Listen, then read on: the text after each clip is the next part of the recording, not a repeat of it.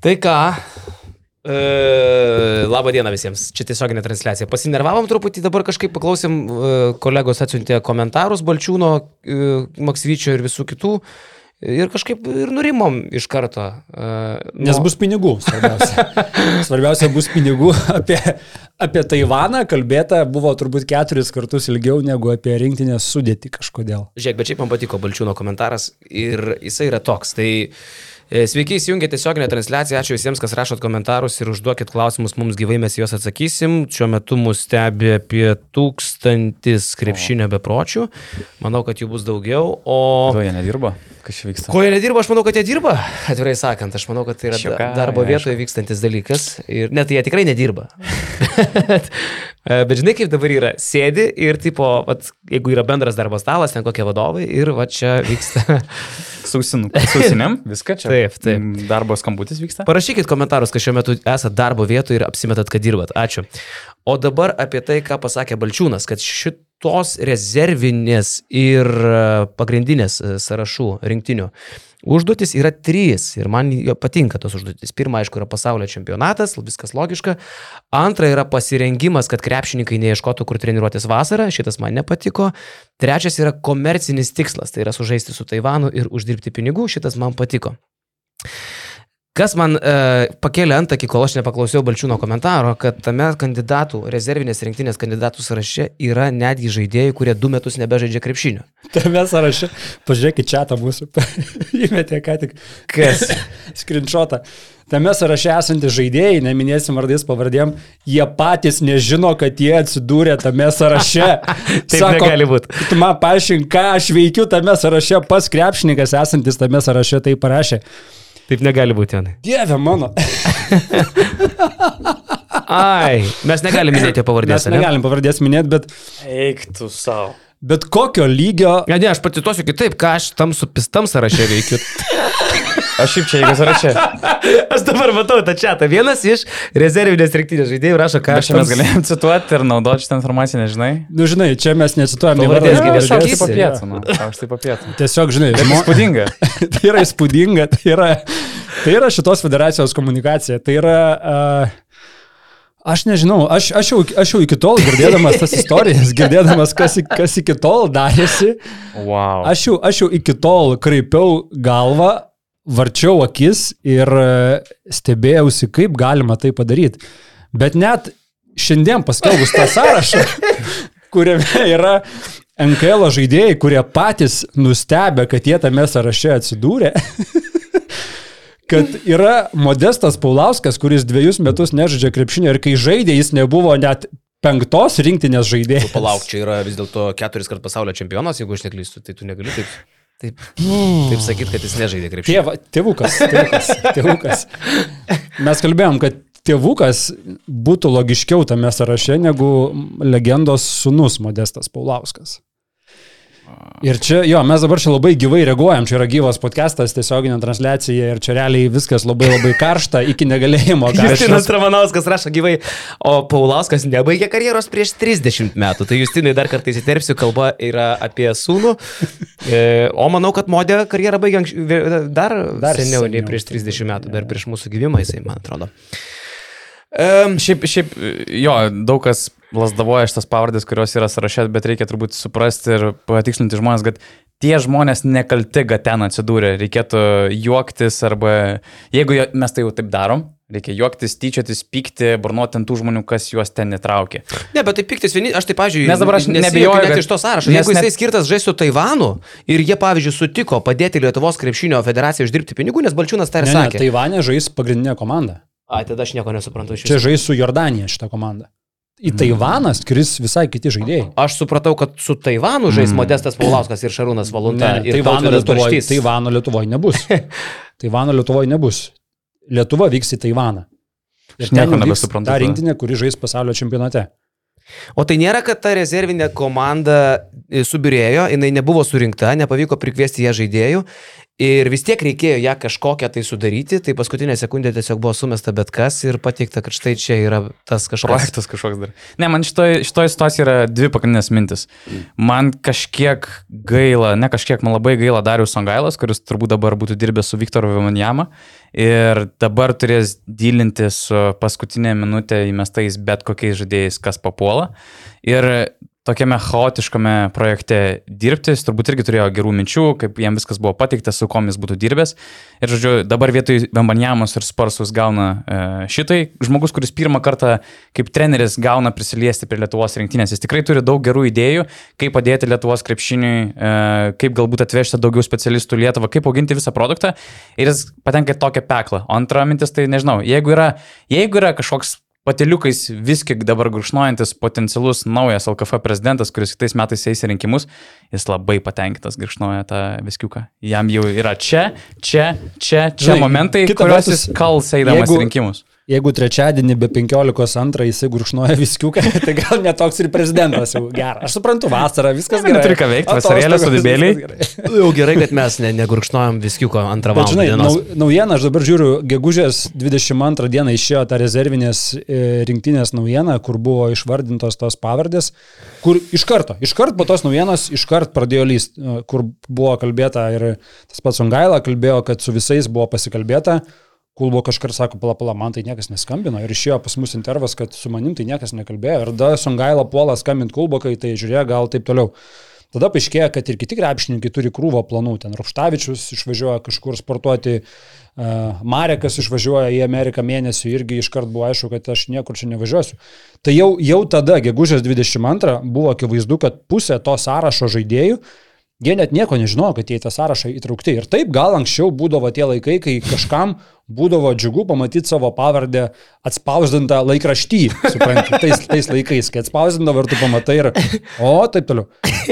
Dabar, dabar kažkaip kita karta žmonės galvoja apie savo tobulėjimą. Vasarom jie ne viskiuką sodybose laka, o turi savo tobulėjimo planus. Ir Nu, nu. daugybė tų jaunų krepšininkų, jie turėjo savo tobulėjimo planus vasarai. Ir taiga jie pamato save išspausdin- išspausdintus internete, nebe laikrašty. Ir sako, palaukit, čia taip nesidaro. Tai jau tada, gegužės 22 jau tada buvo akivaizdu, kad čia yra kažkokia avarija vykstanti maksimaliai. Bet tai, kas šiandieną, šitas skrinčiotas, kas buvo pas mus įdėta, čia yra legenda. Šiaip šitą reiktų atsispausdinti ir pakabinti ant sienos, iliustruoti, kaip dirba federacija šitą. Ką pasakytų Garastas, klausė Justinas Armanauskas. Tilė kaip kapas. Nes bus jo haida. Nuostabu. Žiūrėkit, vyrukai, bet aš vis dėlto, Jonai, galvoju, kad tu gal esi neteisi dėl to, kad e, ta rezervinė komanda nežais Taivane. Nes aš iš Balčiūno komentaro aš supratau, kad e, ne, pag, ne visai pagrindiniai žaidėjai, nu nevažiuos e, daug kas iš tos pagrindinės sudėties į Taivaną. Važiuos Taivanas bus prieš pat pasaulio čempionatą. Rūpiučio 20 plus minus. Ta prasme, tas turnyras yra paskutinis pasitikrinimas prieš pasaulio čempionatą. Bet taigi Balčiūnas sako, kad komercinis tikslas yra... Į jį važiuoja pagrindinė rinktinė. Jis negali, ne, jinai negali važiuoti kita. Tu teisus, tada aš dar labiau nesuprantu uh, pasir... vieno iš tikslų. Uh, kaip sako Balčiūnas, dar pabaigsiu, pasirengimas, kad krepšininkai neieškotų, kur treniruotis vasarą. Esą turi Darius Ongailą, rezervinės rinktinės trenerių ir čia labai tobulėjai, bet jeigu tavo varžovai, nu gerai, Davidui Sirvidžiui, Do, uh, Dovydui Gedraičiui, mm, Ašarų, Augustui Marčiulioniui, Danieliui Lavrinovičiui reikia kaltis su Tadu Budriu, Šarūnu Valunta, Modestu Paulausku, Mantu Litvinu ir tra, Taraškevičium, kažko, nu, net, e, kažkokie Baltrim, Bal- Baltrušavičium, nu kažkokie tokie, kur tikrai mes nežinom, kur jie žaidžia, tai čia nėra aukšto lygio treniruotis. Ta prasme, šitas tikslas jau yra iš savęs nesąmonė tada.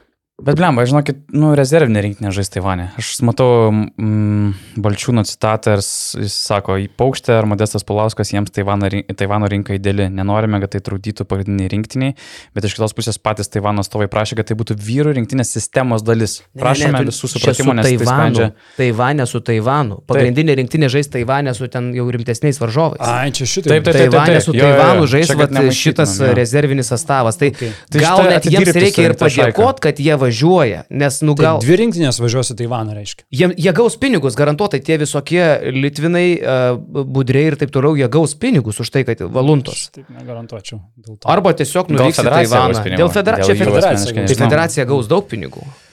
Nu, tai čia Tai re- reikia atidirbti, bet kažkaip kitaip galima gal su projekto dalyku. Bėda tik tai, kad iš tų žmonių, vat, kaip mes dabar matom, yra keli, kurie net nežinojo, čia gal apie komunikaciją, nes vis tiek tas gandas sklis, kad federacija net nekomunikuodama su žaidėjais, o dabar mes turim konkretų pavyzdį, pav- pavardėjais neminėta, nekomunikuodama su žaidėjais įtraukia į sąrašą. Tai šita praktika yra tragiška. Taip negali būti. Ir tas sklis, tas gandas, kad federacija daro tokius šūdus. Taip negali. Ir tai tęsiasi kurį laiką, atsiminkim Igno Brasdeikio situaciją, užtikrintas išėjimas viešai žiniasklaidoje, pasakant, kad Brasdeikis žais rinktiniai, nors iki paskutinės sąrašo paskelbimo minutės buvo abejojama ir žais, buvo rimtų priežasčių a, dvėjoti Brasdeikį žaisti rinktinį ar ne, kiek girdėjau Kazio Maksvyčio pokalbį su juo paskutinis auksliavimas turėjo galutinės įtakos jam apsispręsti ir prisijungti prie nacionalinės komandos.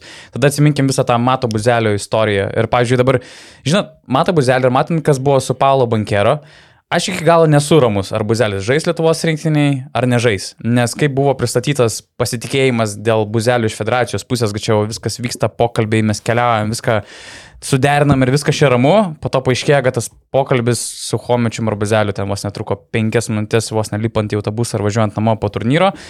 Tada supranti, kad nu, iš federacijos nėra jokių tokių susitarimų, patvirtinimų ir taip toliau. Ir nu, labai viskas kabo ore. Tai man tuose strateginiuose dalykuose yra biški, biški baimės. Ir nu, ta komunikacija tai yra didžiulė problema kol kas šitos federacijos. Aš noriu tikėti, kad ne vien Homičius su Buzeliu kalbėjo, nes, nu, ten gal labiau toksai Homičiaus ir Buzelio labiau simbolinis susitikimas. Bet aš kiek supratau, kiek... Kiek aš Jeigu tai girdėjau, viskas, tai gali aš būt mažoka. negirdėjau, kad kažkas iš federacijos, iš trenerių štabo būtų susėdę su matu vakarienį, išsivedę kaip priklauso, pašnekėti, pasidėlioti, susipažinti su žmogum ir taip toliau. Tai man, man pasirodė, kad tai buvo pirmas rimtas kontaktas iš federacijos pusės su juo, tai buvo tas kelių minučių nusifotkinimas su marškinėliais ir viskas. Mhm. Nu, gal tada, nu, okei, okay, šito nežinau, norėčiau tikėti, kad taip nėra. Jeigu tai viskas, tai tada, Bet tada, tada pradėsiu bijoti lygiai taip pat. Man irgi buvo mintis, nu, kad turbūt jie žino, ką daro. Dėl to, dėl to, dėl trečio klausimo, ar tu matai, kad nu, nebūtinai viskas čia taip sklandžiai vyksta, tai aš sakau, nebežinau, kom, kom tikėti, kom pasitikėti.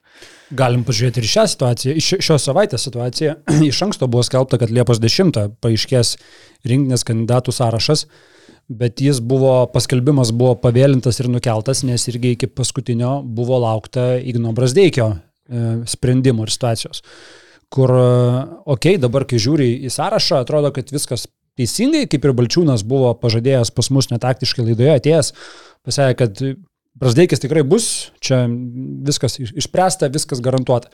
Tai buvo užtikrintas pasakymas, bet iki pat paskutinės sekundės, praktiškai iki vakar, Antrydis. nebuvo žinoma, ar tikrai Brasdeikis bus ir reikėjo padaryti tam tikrų e, išlygų, suteikti jam geresnės sąlygas negu kitiems žaidėjams, kad jisai galiausiai tą rinkinį atvyktų. Tai irgi iliustruoja tam tikrą, kur tarsi pateikiama viskas labai ja. gerai, iš tikrųjų... Reikėjo už akių labai smarkiai ir federacija turbūt negali sauliaisi tokios privilegijos e, taip elgtis, aš įsivaizduoju, su tokiais svarbiais e, komunikaciniais momentais.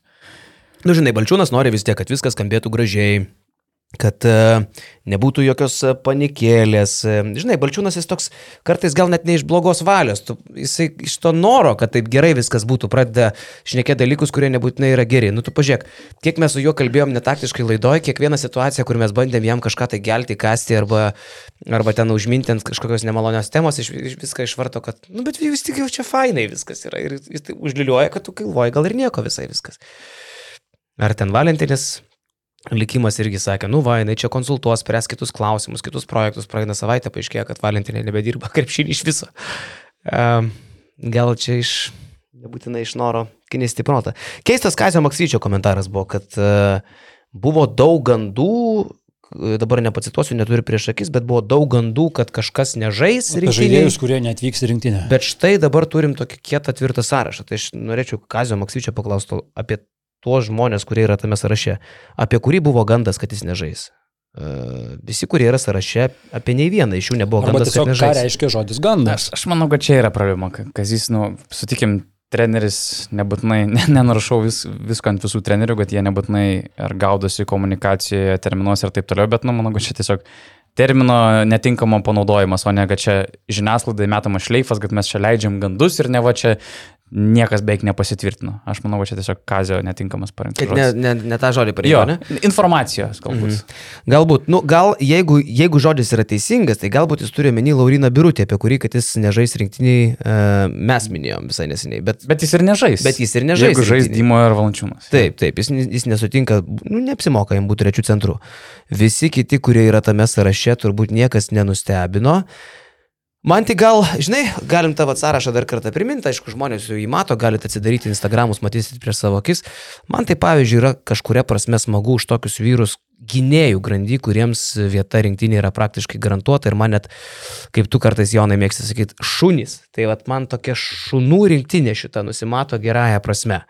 Ir gynėjų grandy tie šunys, kurie galbūt geriausioje situacijoje gerais laikais nebūtų gavę vietos rinktinėje, dabar tikrai ją gaus. Margeris Normantas, e, Tomas Dimša, čia manau, kad yra Lokas, e, nu, apie Roką Jokubaitį nekalbės, Gytis Radzevičius, tai Normantas Dimša, Jokubai, e, Normantas Dimša Radzevičius. Ir manau, kad Davidas Sirvidis irgi tampa po truputį, bent jau mano galvoje, šiokiu tokiu loku, nebent labai nuvils stovykloje ir, ir nepasirodys gerai.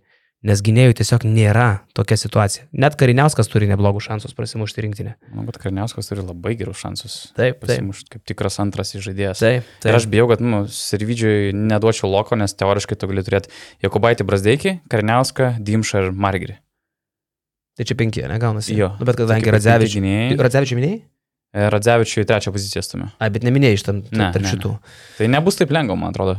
Tuo labiau, nu, nebent pasikeitė nuomonė e, rinktinės kazio ir taip toliau. Bet Neatrodo, kad metikų trūks, supranti, nėra metikų. reikia, Aš manau, kad Sirvidis važiuoja, važiuotų, jeigu ten labai nepjaus grybo, vien dėl to, kad yra vien, vienas iš nedaugelio išreikštų metikų. Be Tomo Dimšos šitame sąraše, nu gerai, dar Reimantas Bendžius pasižymė trajakais. Tai krepšinėje, kuris yra pasaulį nuėjęs į tritaškius, vežtis komandą be tri, tritaškininkų Ne, ne, būtina. yra bulšita. Tai manau, kad e, labai geri šansai yra Sirvidžio. Na, minėjo Maksytis, kad vežasi, kad į pagrindinę stovyklą atvažiuos 3-4 rezervinės komandos žaidėjai. Tai manau, kad Sirvidis, e, Giedraitis. Gedraitis, Jogėla Matas dabartiniai trečių numerių situacijai turi gerų šansus prasimušti. Ir žinai, kas manęs dar nenustebintų?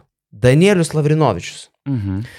Turint omeny tą ketvirtą numerį mūsų sudėtingą ir Danieliaus galimybę žaisti ketvirtų penktų ir tai, kad Kazys jį ima į žalgyrį, vadinasi, kažką mato jame, nori jo, patinka Kazijui Danielius. Dabar jis atsiduria čia, gal kažkam net ir netikėtai. Manęs nenustebintų, jeigu Kazys perkeltų jį į pagrindinę sudėtį ir jis pakovotų dėl vietos dvyliktukė. Turint omeny, kad čia tikrai, nu, šitą komandą labai labai toli nuo tų mūsų geriausių laikų rinktinių. Kazys ir Konfai užsiminė, kad ir Maldūnas dar jam yra įdomus variantas. Vien dėl to, iš esmės, kad trūksta aukštaugių priekiniai. Tai va, va, tai jie ir pasikals, žinok, jaučiu dar dėl vietos. Jo, jo.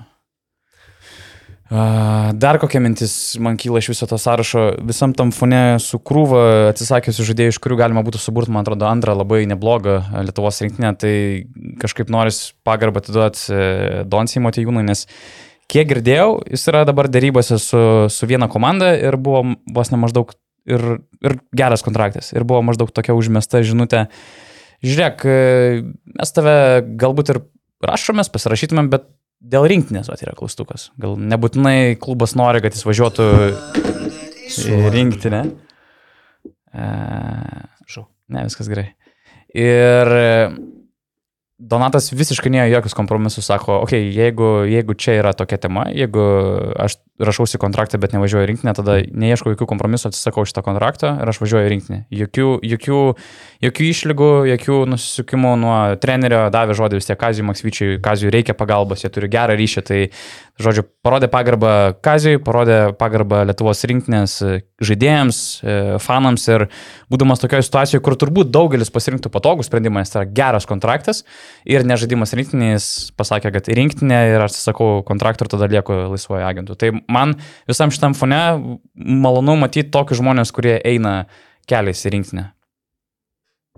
Nes keliais turi kažkas eiti. Galiausiai iš praeitų metų rinktinės liko tik tai penki krepšininkai. E, Jau tas pavardės aptarinėję esam. e, Skirtingos.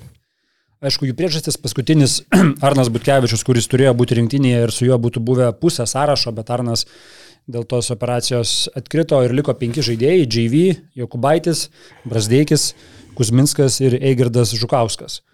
Tai e, turbūt būtų sunku atsiminti panašią situaciją, kad, kad taip stipriai a, pasikeistų rinktinė. Čia mes vis, vis grįžtam prie 90 metų, kada ta rinktinė abejus metus buvo gana stipriai kitokia nuo savo nuo savo stipriausios uh, sudėties. Tai čia ir bus paskutinis kartas, nuo 10 iki 11 tas pokytis turbūt buvo iki šiol ryškiausias, kas atstovavo pasaulio čempionę 10 ir 11 Eurobasketė Lietuvoje. Tai čia irgi bus didžiausias skirtumas. Jo, bet šiaip labai toks nu, savotiškas gaunasi sniego gniuštės efektas. Atsisako vienas, tada antras, trečias, ketvirtas pažiūri, kad gal ta rinktinė netokia ir pajėgi, gal ir man neverta. Ir toks labai užkrečiamai blogas dalykas gaunasi, kai vienas po kito tie žaidėjai atpuola. Kita vertus, aš nežinau, man atrodo, kad JV yra pakankamai stiprus ir didelis lyderis, autoritetas kitiem krepšininkam, kad juos surinktų ir suburtų. Tai jeigu netgi toks autoritetas kaip JV tos komandos nesurenka ir pats JV matėm stebėjosi dėl krepšininkų atsisakymo, atpolimo. Dėl trenerių net atsisakymo. Trenerių jo, kas dar. Tai iliustruoja turbūt problemas, kurios nėra įvardyjamos paprastai, kad vat, būtent federacija kažką blogai daro, ar būtent žaidėjai yra kažkokie tai netikėliai, ar būtent e, FIBA kalendorius yra toksai, o ne kitoksai, ar tiesiog netikima šitos rinktinės perspektyva. Turbūt dedasi kiekviena iš šitų detalių dedasi ir tada gaunam paveikslą, kurį gaunam nelabai pozityvų. Šiaip labai nenusiteikim, dar blemba tos kovinės rinktinės jos kartais nustebina ir aš, žiūrėk, nuo 2015 metų mūsų nacionalinė komanda su visais žvaigždūnais, kitą kartą net labai geros komandos, kokią vežėmės, tarkim, 19 metais, sakydami, kad čia wow, 22 praeitais metais nusivežėm, netgi buvo tokių frazių, kad tai yra stipriausia Lietuvos rinktinė nuo ten kažkur, kažkurių ten metų ir wow, čia kokius taros surinkom ir piš, nieko, nuo 2015 metų sėdim betui ir nieko nesam laimėję ir net nenugalėjom neturėjom per 7-8 metus nei vienos top 10 pasaulio rinktinės. Ir ką? Ir nieko. Dabar atsidūrėm 15 reitingė pasaulio čempionė ir visi labai nustebė, o ko? Mes nieko nelaimėm prieš nieką. Tai aš dar labai nenusiminčiau. Bet ieškant priežasčių, Kodėl net važiavo geriausi, vis dėlto, žinok, man į galvą dar šauna Rimo Kurtinaičio frazė Tomui Langviniui visai neseniai, kaip senas iškrypėlis, pažiūrėjau labai seną intervą. Ne, nematoma pusė, man atrodo. Tokia buvo Langvinio ja. rubrika. Ir ten Kurtinaitis pasako tokią frazytę, kad vis dėlto sako, aš esu tos filosofijos, kad nacionalinės rinktinės treneris negali dirbti klube. Ir jeigu tu dirbi rinktinėje, tu negali dirbti klube. Ir gali būti, aš darau tokią prielaidą, kad ne, bent kai kurie iš tų neatvykusių žaidėjų rinktinę, galbūt turėdami kontaktą su žmogumi, kuris nėra užimtas kalnų kitų darbų, ne, Jie galbūt kitokį ryšį su ta rinktinė jau būtų užmesgę sezono metu ir jaustų didesnį įsipareigojimą ir įpareigojimą atvažiuoti, negu kai galbūt to kontakto nebuvo visiškai, o mes matom, kad ne tik tai galbūt treneriai, bet ir pati federacija kontaktuoja su mūsų krepšininkais prastokai. Ir galbūt tai yra viena priežasčių, kodėl jokio nuolatinio kontakto su Lietuvos krepšinio federacija ir treneriais neturintys mūsų geriausi krepšininkai, galiausiai reikalui jau atėjus priimti sprendimą ir rinktinė vis dėlto nevažiuoja. Tai čia mano tokia maža prielaida, ieškant kažkokiu tai kaltų, kodėl tas e, sąrašas galbūt nėra toks jau labai įspūdingas. Ja. Bet tuo pat metu pridėsiu, kad aš dėl to labai stipriai nepergyvenu ir man šitą šunų rinktinę gal net bus dar įdomiau stebėti. Plus aš girdėjau tokių replikų, kad ir iš pačių žaidėjų, ir iš gerų, svarbių rinktinės žaidėjų, kad tokioje komandoje žaisti gali būti netgi lengviau, kai nereikės labai stipriai ieškoti, kas ja. čia mus temps į priekį, kai bus mažesnis ego, kai nereikės atidirbinėti kiekvienam, o kai bus du variantai - Rokas arba, nu, Ignas tai trys arba JV, o visi kiti dirba jiems. Tikrai taip, pagrindinis žaidėjas žino, kad nepaisant to, kiek klys, kas bus žais daug, nes yra svarbus, nes ne, už nugaros nebūtinai yra tokio pat lygio žaidėjas, o tie visi kiti užim savo e, vaidmenius. Be, kalbant apie šunis, jis čia... Bravo, kokias... rašo Tiškiaučių, nekurtų samokslo teorijų. Nu ką tu čia trėdi, čia jokios nesamokslo teorijos, čia tiesiog pamastymas, kaip galbūt yra. Pergyvena žmogus. Jau kokius septynis kartus paminėjot žodį šunis, šunų komanda ir Jerry Vestas kaip tik nesiniai davė gerą citatą, kad dabar labai populiaru naudoti žodį šuo. Na, aš buvau vilkas ir aš valgydavau tos šunis. Tai čia BC Wolves yra uh, suggestionas toksai panaudoti šitą citatą irgi ateities savo visokiams reklaminėms kompanijoms. O grįžtant prie tų sąmokslo teorijų. Vilkas irgi rašo.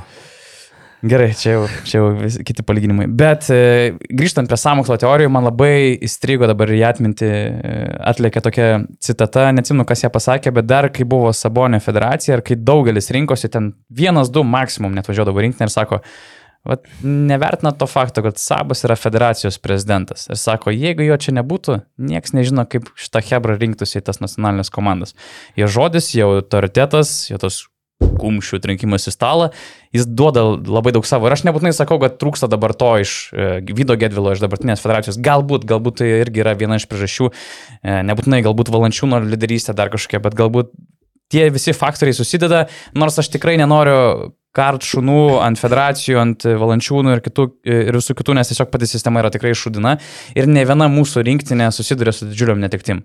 Ta pati Graikijos rinktinė, ta pati Ispanijos rinktinė, Serbijos rinktinės, visi turi tų pačių problemų ir netikčių ir tai yra ne tik tais Lietuvos nacionalinės komandos apie problemą. Bet problemų, pažiūrėjau, turi ir mūsų žiūrovas Julius. Jis sako, kostumė ant rinktinės Tiškevičio viskas ok, bus dar geriau bus pamatysi. E, teksto suvokimo problemos, Juliau, aš, aš vienintelis turbūt kol kas nesakiau, kad čia yra kažkas blogai su ta rinktinė, aš tik analizuoju situaciją. Labai normali komanda gali būti. Žiūri, startą Jokubaitis, Brasdeikis, Kūzė su Sedekerskiu, tarkim, užima polėjų pozicijas, Valančiūnas centruoja.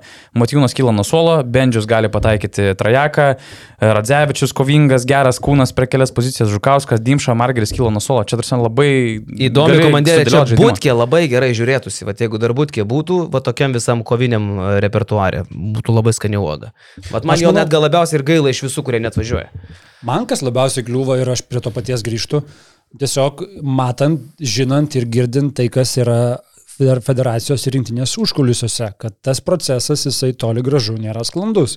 Ir jisai toksai vat, avarinis, paskutinės sekundės, paskutinės minutės, neprainformavus, nesurinkus, uh, Aš nežinau, gal buvo įdėta per daug pastangų derinant visą Taivano projektą ir tada pamiršta komunikuoti su žaidėjais. Aš čia tiesiog šiaip spėlioju, bet, bet gal tai irgi yra kažkoks dalykas.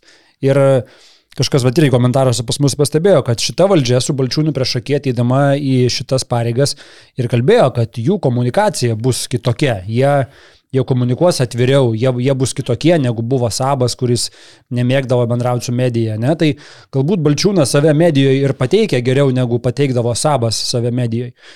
Bet kai tu pažiūri, kas atvažiuoja į rinktinę ir tu pažiūri žaidėjus, kurie a, patys yra nustebę ir apakę, ką jie tam sąraše veikia, Aš nežinau, ar, ar čia tos antros komandos džiemas yra Jonas Vainauskas, nes yra trys krepšininkai iš, iš jo komandos, Gedvydas, Jono tėvas yra LKF viceprezidentas, gerai sutarė su dabartinė valdžia. Gal čia paskutinės minutės šauksmas buvo, mums reikia trijų žaidėjų, ką darom, Jonas pakėlė ragelį, sako, tuo aš tau įrašysiu tuos tris žaidėjus ir viskas. Ir tai Jonas paskambina saviem ir nori važiuoti į Taivaną. Toks pasiūlymas klubo yra. tai va, tai ir ir man, man, man labiau šit, šitas dalykas kelia nerimą, o ne žaidėjų pavardės sąraše, kur, kaip ir sakė Donsen, nu, iš tikrųjų tą situaciją tu paėmė visą pasaulio čempio paveikslą. Nu, liūdna ta situacija, įmant daugybę rinktinių ir sakau, ir FIBOS vietoje ten turbūt yra ne, ne vienas pakeltas balsas ir ne vienas kumščio daužimas į stalą, žiūrint, uh, kokia, kokia Hebra rinksis e, Azijoje už, už kiek, už gerą mėnesį. Bet tuo pačiu yra ir geras momentas, kad šitos rinktinės nespaudžia niekas. Po labai ilgos pertraukos šita komanda, nacionalinė Lietuvos rinktinė, važiuoja visiškai be jokio spaudimo. Niekas iš jos nieko nesitikė. Kada paskutinį kartą į kokį nors didelį turnyrą mūsų šalies komanda važiavo su, dideliais, su tokiais mažais tikslais, su tokiais mažais lūkesčiais, gal tikslai kaip visą laiką kažkur tai giliai širdį nemažai. Aš galvoju, tik dešimtais metais. Paskutinį kartą, 11 tikėjomės, Max, 12 olimpiadai. 13, manau, nebuvo didelių lūkesčių, ne, kai buvom antri. Mm. Nu, bet 13 buvo solidi komandėlė, bet, bet kur komanda buvo solidesnė tikrai. 14 e, puikiai komanda, 15 jo. puikiai komanda, nu, jo.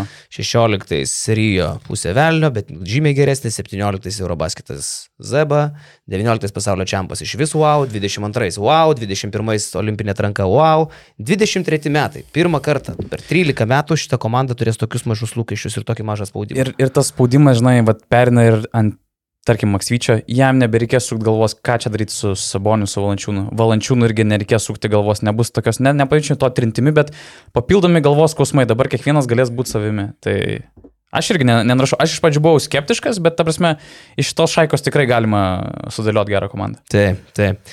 E, Benas Matkevičius dar pasijungė prie rinktinės, pakeitė į Kestutį Kemzūrą. Tarp kitko, kalbant apie Beną Matkevičių, vykom šiandien į darbą su traukiniu, kadangi NATO samitas neleidžia labai drąsiai mašinas eksploatuoti po Vilnių.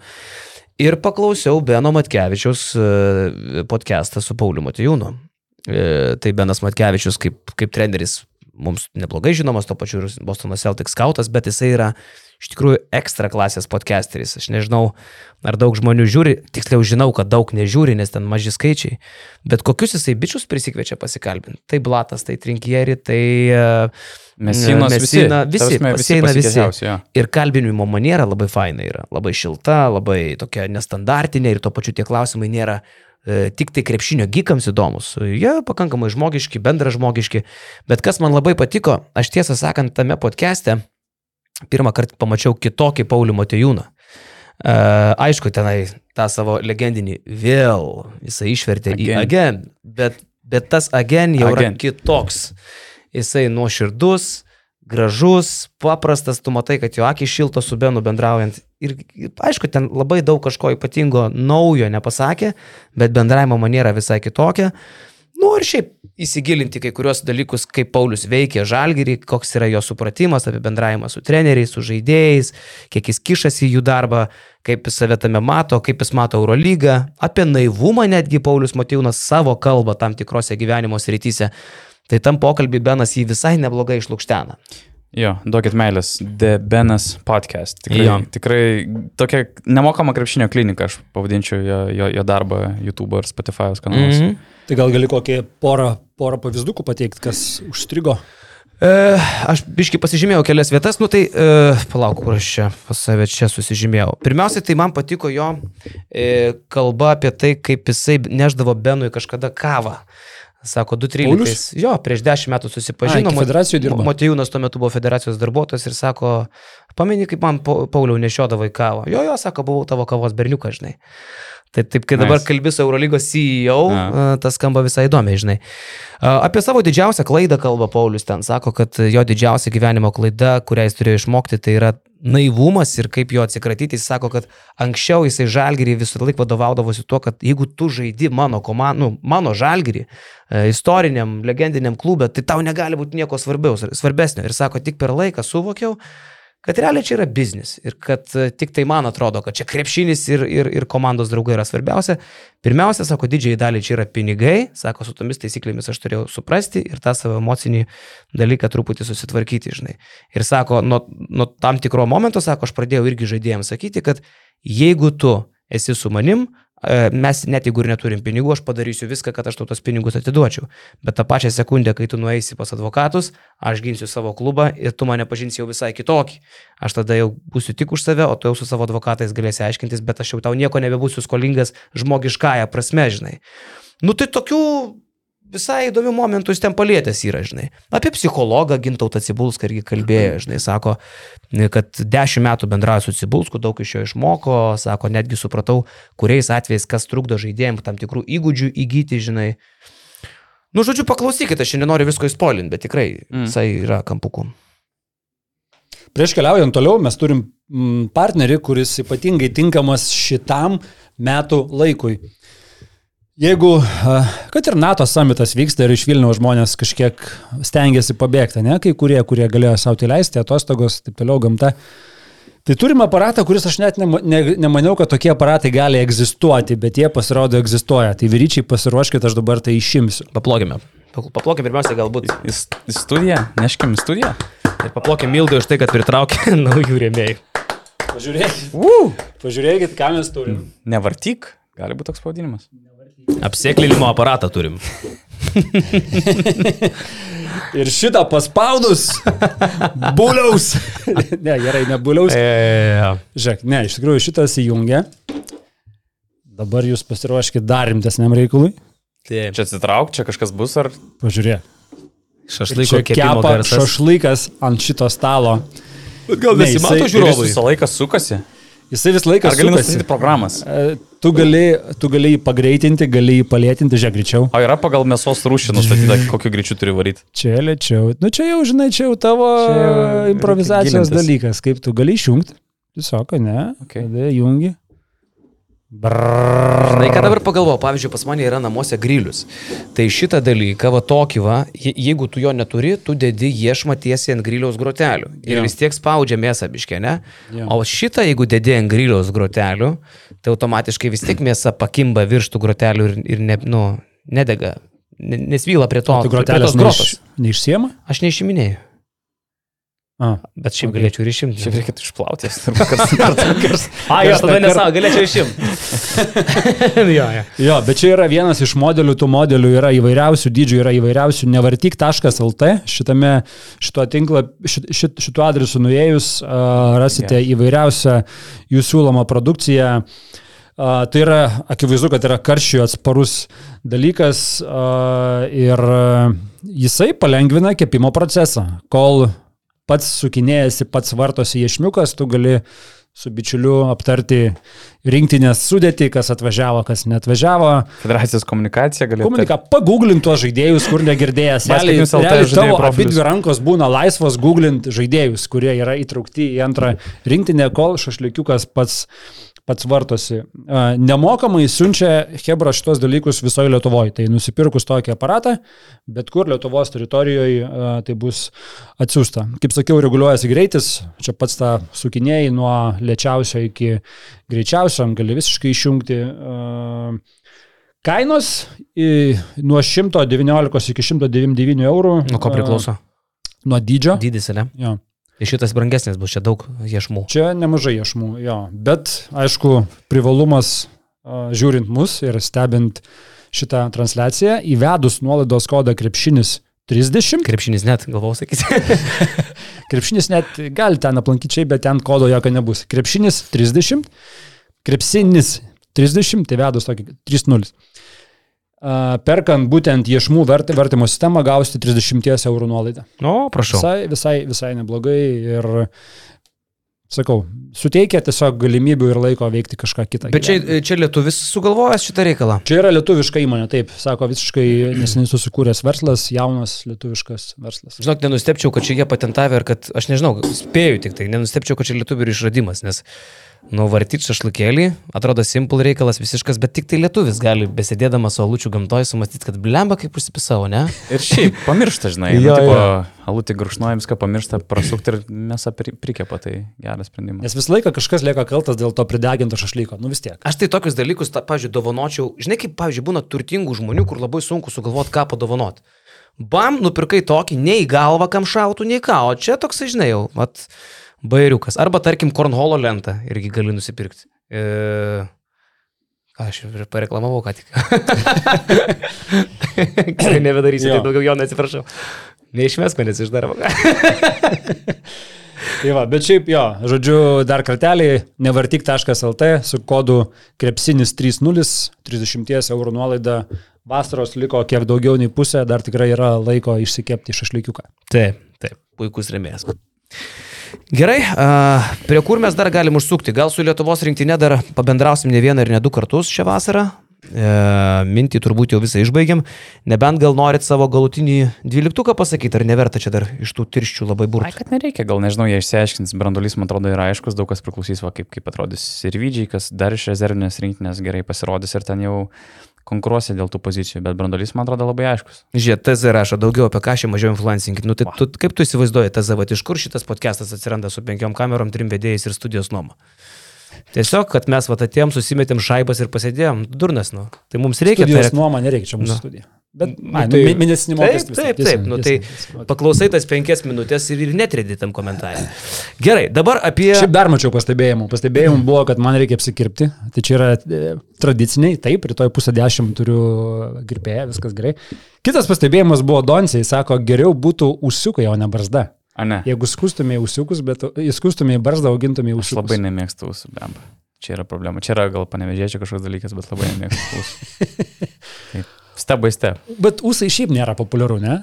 Nu, dabar Nu, jie toks- daro strendi, pažiūrėk, Demiko, pažiūrėjau. Aфиgenai. Demiko tai yra turbūt geriausių ūsų savininkas pasaulyje. Aš, ne, aš šiuo metu aš nepasakyčiau geresnio ūsoriaus negu Demiko. Vakar, Neįžeidžiant visų kitų gerų ūsorių. Bet... vakar klausiausi jo kaip tik podcast'o su dviem bičiukais, nepamenu vardų, bet labai įdomiai išnekėjo apie tos ūsus, sako, reikėjo priprasti, sako, draugiai reikėjo, Gabrieliai priprasti, bet sako, dabar jau visi apsiprato ir vat, toks vat, visas ir sėdžiu, žinai. Tai Žmonės kartais ne, reikia pašokiruoti biški, paskui tai tampa įprasta, žinai. Atsimink, kaip, e, tarkim, e, pradžiai Ulanovo ūsus visi vertino. Jankūnas net laikė, šiaip jeigu ūsiukai. Jankūno ūsus, Jankis net laikė. Bet man atrodo, jis, jis buvo, žinai, anksčiau išėjo su ūsais, negu tai tapo populiaru. Per anksti buvo Lietuvai suprasti jo ūsus. Ūs, pakalbėti? ūsai, ūsai, ne ūsai. Tai bet- rašo, pakenas nepeza tiek daug, tai pasiremėjų nėra, nu, tai ko tu čia prisikabinai dabar? Prit? Gerai, davai, važiuojam e, su kuo?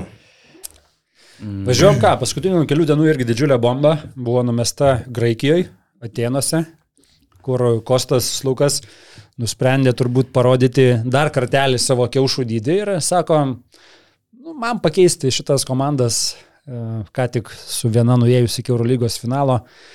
Nėra jokios problemos, aš išeinu iš mirtinų priešų gretas į kitus mirtinus priešus. Nu čia jau Donsis reikės visų insidų. What the fuck čia įvyko? Uh, jo, man šitas faktas labiausiai stebina, kur tau 33 metai.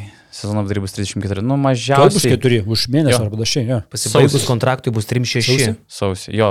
Ir, nu, tipo, Septyni pasibaigus. Tokiu karjeros laikotarpiu dažniausiai tu nori tik ramybės, jokių nesąmonių, pasimė tuos pusantro milijono per metus iš olimpijakos, o trim metam į priekį ten būtų beveik 5 milijonai ir tu ramiai užbaigi savo karjerą šiltuose, gražiuose Atenuose, kaip olimpijakos fanų devukas. Nu, ideali situacija. Bet atsisaka keturių lemų vertinant Panatinaikos pasiūlymą. Bet Pao mm, užmetė neblogai. Ir šiaip, ką padarė Pao su tokiu kontraktu, ten 3 lemai per metus ir galbūt net dar daugiau, kiek girdėjau, tai darys dar vieną postumį iki žaidėjų algų kepurės, nes tai kokiais pinigais metė jie ir kokiais pinigais dėl kitų žaidėjų mėtosi kiti klubai, sako, tiesiog situacija yra nebekontroliuojama ir mes Eurolyga, sako, mes patys save susideginsim su tokiais kontraktais, permokėdami žaidėjams žiauriai daug ir, ir po to nukrapštydami paskutinius pinigus. Sako, tai veda tik tais į destrukciją. Tai Sluko tas perėjimas buvo vienas iš tų, kur labai išjudino net didesnės Eurolygos komandas. Man šitas labiausiai ir nesuprantamas buvo iš tos finansinės pusės. Atrodo, okei, okay, tu tiek pinigų teškiai, tai tu turėjai planą, turėtumai turėti planą, kaip dabar tos pinigus atidirbsi, ne?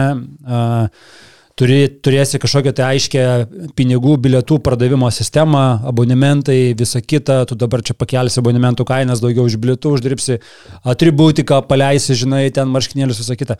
Aš nežinau, gal Pavo ir turi tą, tokį planą, bet žinodamas, kaip dažniausiai Eurolygos klubai veikia, aš spėčiau, kad nifiga jie nieko neturi. Čia buvo tiesiog dar vienas noras pasimatuoti e, vyriškais lytiniais organais. Neveltui Dimitris Janukopulos toj nuotraukoje ten ir stovi šalia, nes jisai čia yra, vat aš, aš, aš čia, aš, aš čia, vat aš nuskyniau šitą, žinai, kaip, kaip Afrikoje atvažiuoja stori uh, dėdai ir fotkinasi prie nušauto liūto.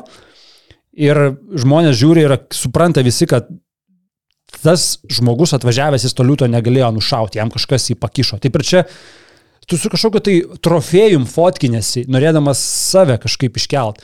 Ir tai nėra pagrįsta jokiais finansiniais, jokiais skaičiais, niekuo nėra pagrįsta. Man tai šitas dar tarp kitko dylas kelia šiokių tokių įtarimų. Čia brangiausias graikas visų laikų, netapo? Po Su papalūkom. papalūku ir jeigu įvertinus infliaciją, papalūkas turėtų būti brangesnis vis tiek. Ok, bet tai bet kuriu atveju yra daug didesnė samata šitos komandos jau dabar, Panatinaikos, negu eilę metų vadovaujant Janakopolui su jaunesnėje. E, aš turiu dvi teorijas. Pirma, tai jinai turbūt labiau tikėtina ir viskas čia tvarkinga, kad Genakopolas tiesiog pasikvietė Tamaną, abu du išprotėjo, užsiknyso, trenkė per stalą, susikoliojo su visa šeima ir išleis daugiau pinigų negu planavo, reikėjo ir kažkas tai pritarė.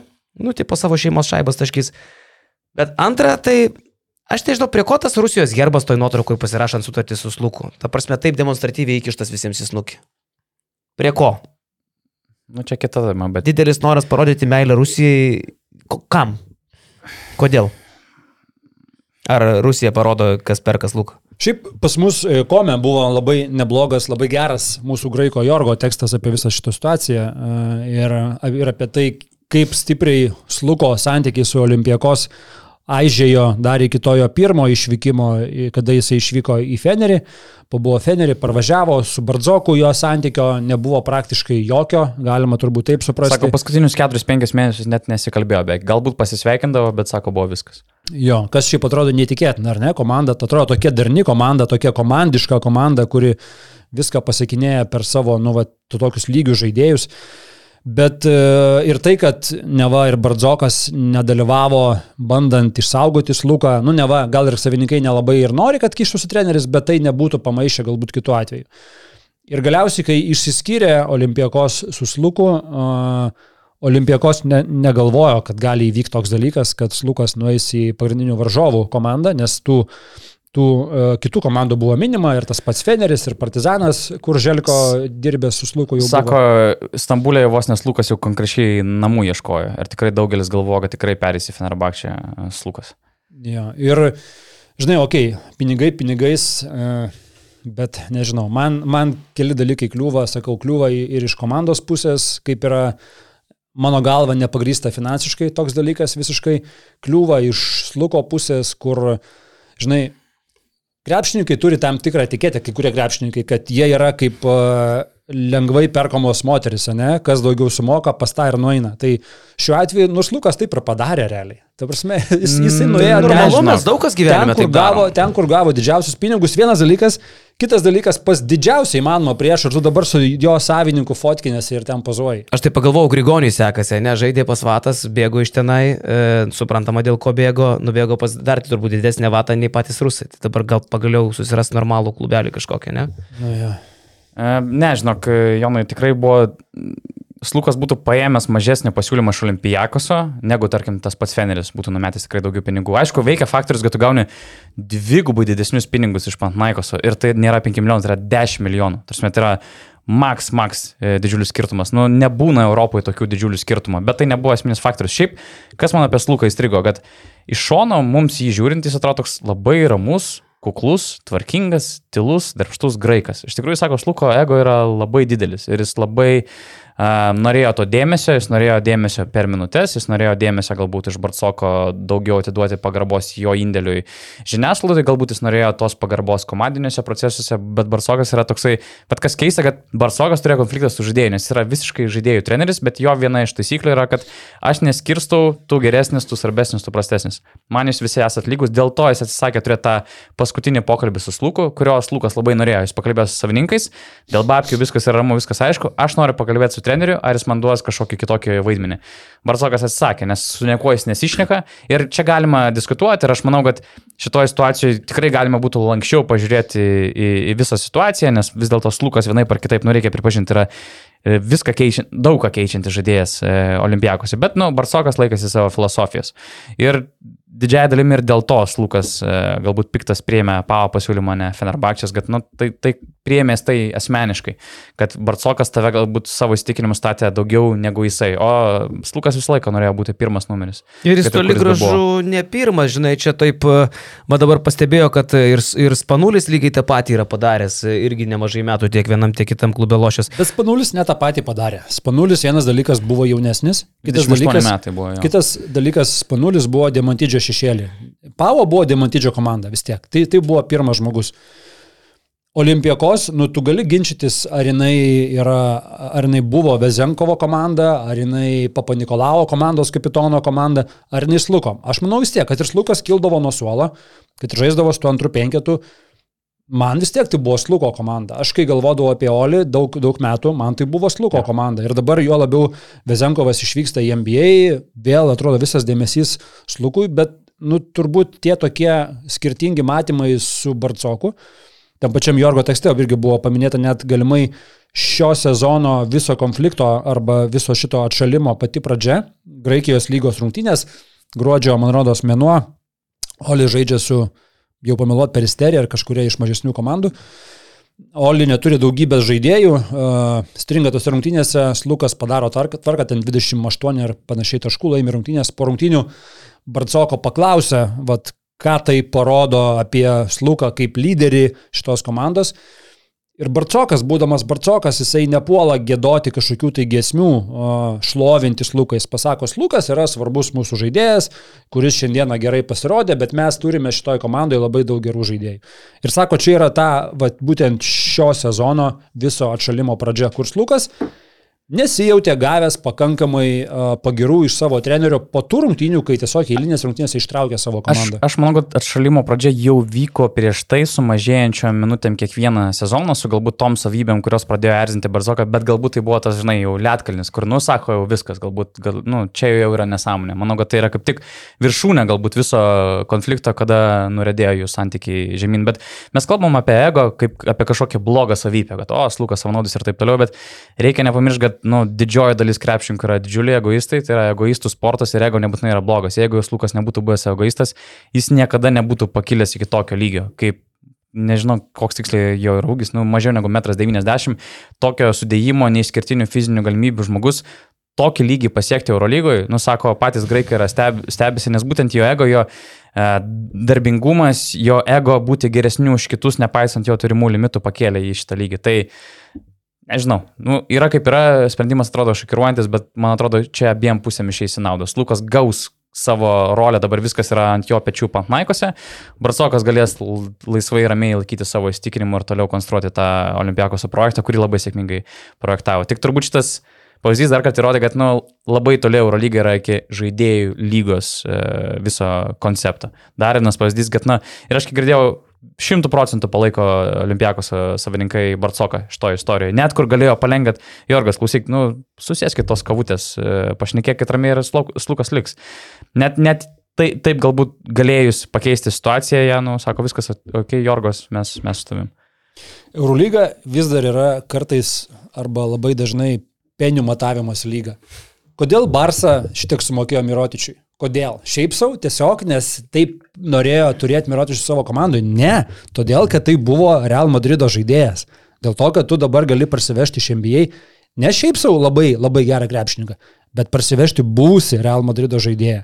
Ir dabar tu kažką įrodysi, žinai, Real Madridui.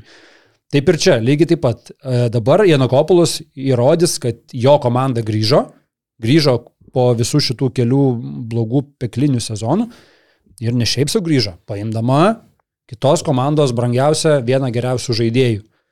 Tai, vad sakai, tai ne žaidėjų lyga, tai yra tam tikras matavimas į kas kietesnis savininkas lyga. Ir, ir jo, kas, ką, ką, ką aš sakau, kad tas matavimas jis, jis veda Eurolygą destrukciją. Tai yra nesąmoningai nepateisin pinigai.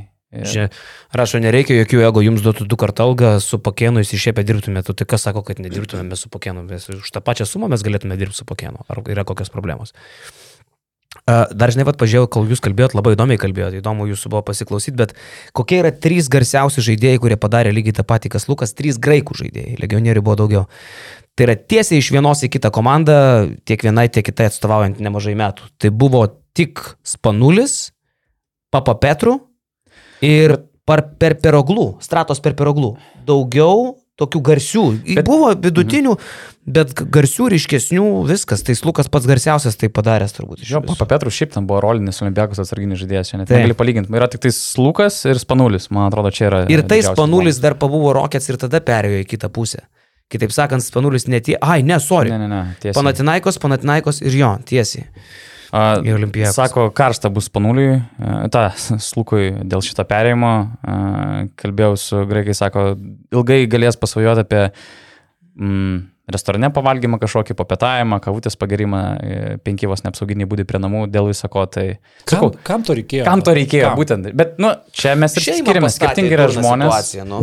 Bet, lemba, aišku, iš kitos pusės neįskaltas, kad ten yra, nu, nedekvačiai reaguojama. E, pačioj Graikijoje. Bet jis tai žino. Bet ta šeima supranta, kad, nu, okei, okay, praeis keli mėnesiai, kaip ir užsimirš, kaip ir užsimiršo dėl spanulio, kažkur skauda, bet tai nevirsta į kažkokią fizinę priešpriešą. Tau sukapsės sąskaita 10 milijonų ir tavo vaikai iš, iš tų milijonų ramiai, ramiai ateitį turės, tai žinai. Ir važiuosi iš ten. O šiaip tai man dar įdomu, kaip jį pasitiks patys uh, Panathinaikos fanai. Kaip didžiulį.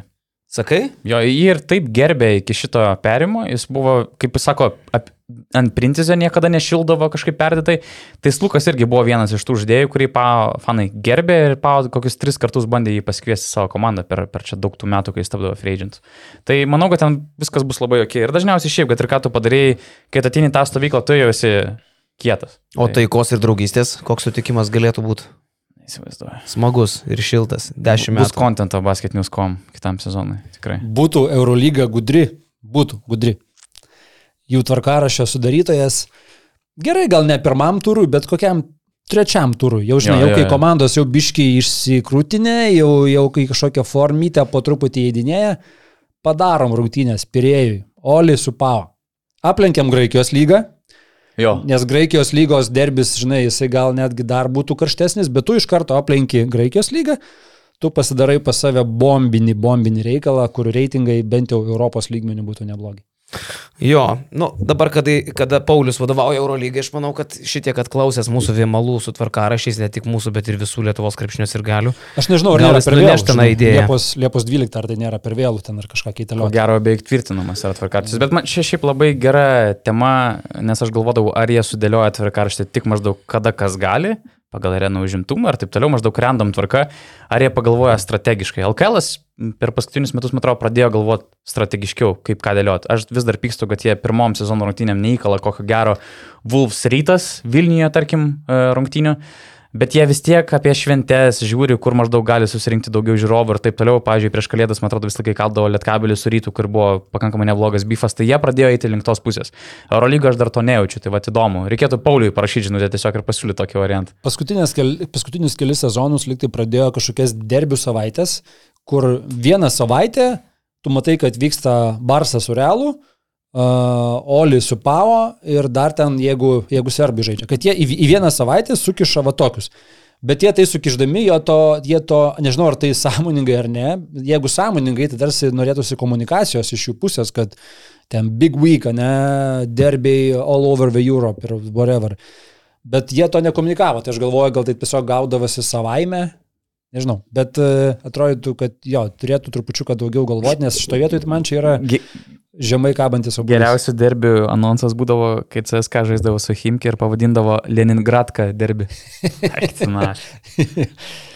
Ir niekas nesupranta, kodėl Jo. taip yra. Klausykit, merginos, kol žmonės žiūri live, šitą laivą žiūri 2000, lošia dabar Lietuva su Slovenija, mūsų jaunimėlis, čia yra šiaip labai keistas 20-mečio Europos čempionato formatas, aš su juo šiandien susipažinau. Tai toks jaunimo čempionatų formatas paskutiniai kokie 3-4 metai. Visiškai nesidomėjau jo, bet Absoliučiai šiais visų metais pasidomėjau, kad tu po Vis- grupės visi varžybų patenka, keturi, taip. vis, visos komandos patenka į playoffus. Taip.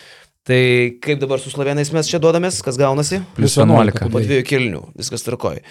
Tarp kitko, suklaidino mane Slovenijos rinktinės sudėtis, pažiūrėjau, yra Jaka Klobučiaras ir galvoju, ar čia man jau galva nuvažiavo, atsimenu tokį seną žaidėją. Kažkoks buvo. Tai dabar yra Jaka Klobučiaras tik jaunas. Niekaip nesusijęs panašus su tuo, nes tam tik tai 36 metai. Uh, nu, aišku, Klavžaras, bet Klavžaras yra jo. rimtas Šitą rinktinėlę aš taip pažiūrėjau, dabar jeigu mes nukalam Sloveną, tai mūsų kitame etape laukia Belgas arba Estas, neskamba labai baugiai, tai jau čia būtų ketvirtfinalis ir tada pusfinalis, kur ten bus arba Ispanas arba Graikas. Ko gero. Neapsimesiu, neapsimesiu specialistų, ne, neįsivaizduoju, ko- kokios ten rinktinės žaidžia Ne, nu, pagal tai, šalis ar bet tu žinai vertins. pagrindinius ir žinai jų pasiekimus, tarkim, Ispanijos rinktinė, kiekviena, kiekviena, Ispanai viską laimi kiekviena tiesiog, karta jo. laimi viską, ne? Ir dabartiniai ten... Ispanam ne finalas, tai jau yra pralaimėjimas. Jo, jo, kai sėdo nunežas, tu juos tikrai žinai. E, prancūzų. Nu, graiko ne vieną ne- neįvardintum turbūt, tai žinai. toks- Graika Manzukas. Lefteris Ai, Manzukas. okei, lošia, okei. Nu, bet mes graiką sukaliam grupiai Mhm. per mm, labai lengvai 18 taškų. Uh, tai va, tai graikas galėtų būti, man atrodo, pasižymėjau, kad galėtų būti varžovas netyčia finale. Nebent. Taip neatsitiks. Tai va, tai pusfinaliukas bus, o paskui matysim. Lelevičius antras pagal rezultatyvumą Europos čempionato žaidėjas kol kas. Po 18 taškų Lelevičius pasirašo sutartį su Lietkabeliu oficialiai. Labai džiaugiuosi, kad Žalgeris jį išleidžia, nes manau, kad kai Štelmacheris ten atėjo, gal dėl to ir kilo kažkokiu tai subangavimu Žalgerio vadovybės galvoj, nes pats Purlys minėjo, kad tas sprendimas pradžiai buvo kaip ir aiškus, paskui nebe. Bet kažkaip, vat, kaip tikėjau, kad e, pas Čianaką visas jaunimėlis judėjo, taip tikiu, kad ir Lelevičius gali tame aukštesniam lygiai sujudėti. Nu, man įdomu, koks yra Štelmacheris. Nėra, kad jis būtų pasižymėjęs darbu su jaunimu. E, Kiek teko bendrauti, kas, kas jį labiau geriau žino, tai sako, nu, du žaidėjai jauni, kurie atsiskleidė, tai buvo Richard Slomažs ir Janis Timo beje. E, Po, po metų su Štelmacheriu Ventspiliu, man atrodo, iškylo į kitus lygius, bet nu, tas, tas pats Lomažs, kuris nuėjo Sveliais, buvo 23 metų. Mes kalbam apie Lebečių, kuriam yra kiek 20 metų. Tai du skirtingi dalykai. Ir šiaip- 20 jau. Štelmacheris yra griežtas, nėra pats lengviausias treneris, tai vat, aš nesu dar tikras, koks jis bus jauniems žaidėjams. Aš labai noriu, kad Lietkabelis išliktų tą terpę, kur du žaidėjai per sezoną gali gauti rolės, e, gali gauti galimybės tobulėti. Labai patiko tas visas konceptas, kaip dirba Čanakas, kai bus už Štelmacherį, tai matysim. Toks nepatikrintas vanduo dar yra. Šiaip žinok, netikiu, kad Purlys leis tenai iš Telmacheriui labai grybauti, vis dėlto yra susitarimas su Žalgiriu ir jeigu, jeigu Lelevičius nežais arba Štelma jį dusins, tai tada Žalgiris sakys, Marčiau, kas čia darosi, Marčius sakys, Štelma, tu proto turi. Tikrai neleis Purlys Man aukoti Purlys irgi yra Žalgiriu dėl Štelmacherio kaprizų. Jo, jo, man irgi yra saugiklis, e, būtent Purlys, kad čia išsispręs kažkaip situacija gerai jaunimui.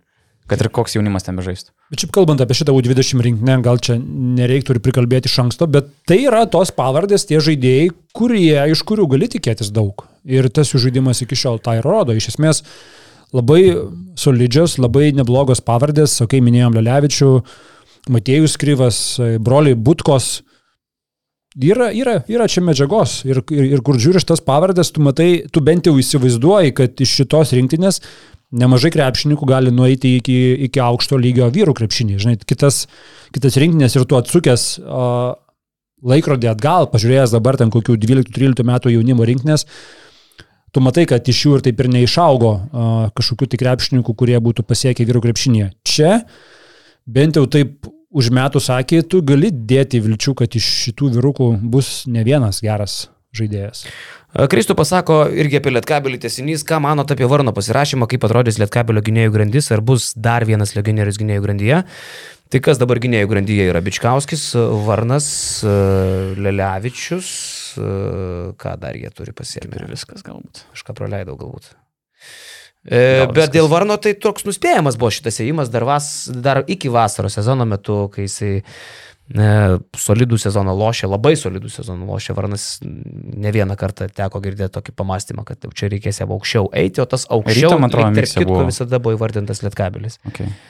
Tai kažkaip man šitas buvo lauktas ėjimas ir, nu, bus įdomu. Varnas tokio atrodo vėlyvo brandimo krepšininkas, kur sunkiai jiems sekėsi, pamenu, nevėžyje. Aišku, kaip tik buvo didžiulė žvaigždė jaunimo krepšinė. Jo, o paskui dar rašiau apie jį straipsnį, kaip čia super turbo mega žvaigždė. Bet, bet jo, buvo dobė, buvo traumos didžiulės, kurios paveikė, jis toks irgi buvo priklausomas nuo atletiškumo. Tai smagu, kad jisai laiptelis po laiptelio kyla. Nu. Ir plus lietuvis, geri lietuviai nesimėto. Jeigu būtų Čianakas, tai sakyčiau, vėl Ramu. renka tą simpatišką komandą, kur iš Čianako visi išeina dar į aukštesnius, platesnius vandenis ir čia Lelevičius su Varnu, čia bus e, kiti Valinskai, Normantai ir Dimšos. Mm, dabar, nu, tokia vet, yra intriga, žinai, ir vis klausi savęs ir to pačiu purlio, kodėl, kam tas Štelmacheris. Bet tuo pat metu jau ne vienas iš mūsų esam pasakę, kad, nu, okei, okay, gal bus taip, kad visi prisėsim ir sakysim, okei, okay, geras sprendimas. Nors ir... to skeptiškumo net ir Latvijai netrūksta. Kiek girdėjau, sako, mes labai stebimės, krepšinio žmonės sako, mes labai stebimės, kad jis gavo Eurocopo darbą. Nes ten, kur dirbo, sunku pavadinti jį kol kas sėkmingų trenerių, bet, bet kaip ir sakai, reikia pasitikėti Purliu, jo ryšius su, su, su Štelmar. Čia, čia bus kaip su Čanaku, kuris davė pareiškimą išeiti iš darbo e, po pasvalio rungtinių ir Pulis sako, ne, lik, parodė tą kantrybę, tai ma, aš manau, Martinas mato dalykus į priekį. Čia Don, Donsu Dukatį nu, nubreikinai naujieną? Ne, čia tiesiog e, oficialiai pasirašė Hanga su Red Star. Bet tu podcast'o metu sugebėjai parašyti naujieną? Nu, aš Twitter'e įdėjau tweetą. Ta prasme, žmogus tiesiog ką tik pranešė, besėdėdamas tiesiog nemeterį, kad Hanga keliasi į Zvezdą. Nu, tiesiog tu kalbėjai apie Varną, aš užmečiau akį žiūriu, o mūsų BN Plus e, WhatsApp chat'e beje parašė Hebra, kad Hanga yra stara iš, iš niekur. Mm, Okay. Tai aš tau pasakysiu Zvezda, ką visai įdomi jau gaunasi, turi Teodosičių pasiemę. Pasi, pasiema dabar ir dar vieną vyruką. O įdomu, Fakundo Kampaco jie turi šansų išsaugoti, ar čia jau tikrai e, realas ir panašiai. Mm, Manau, kad realas, daug šansų. Ne?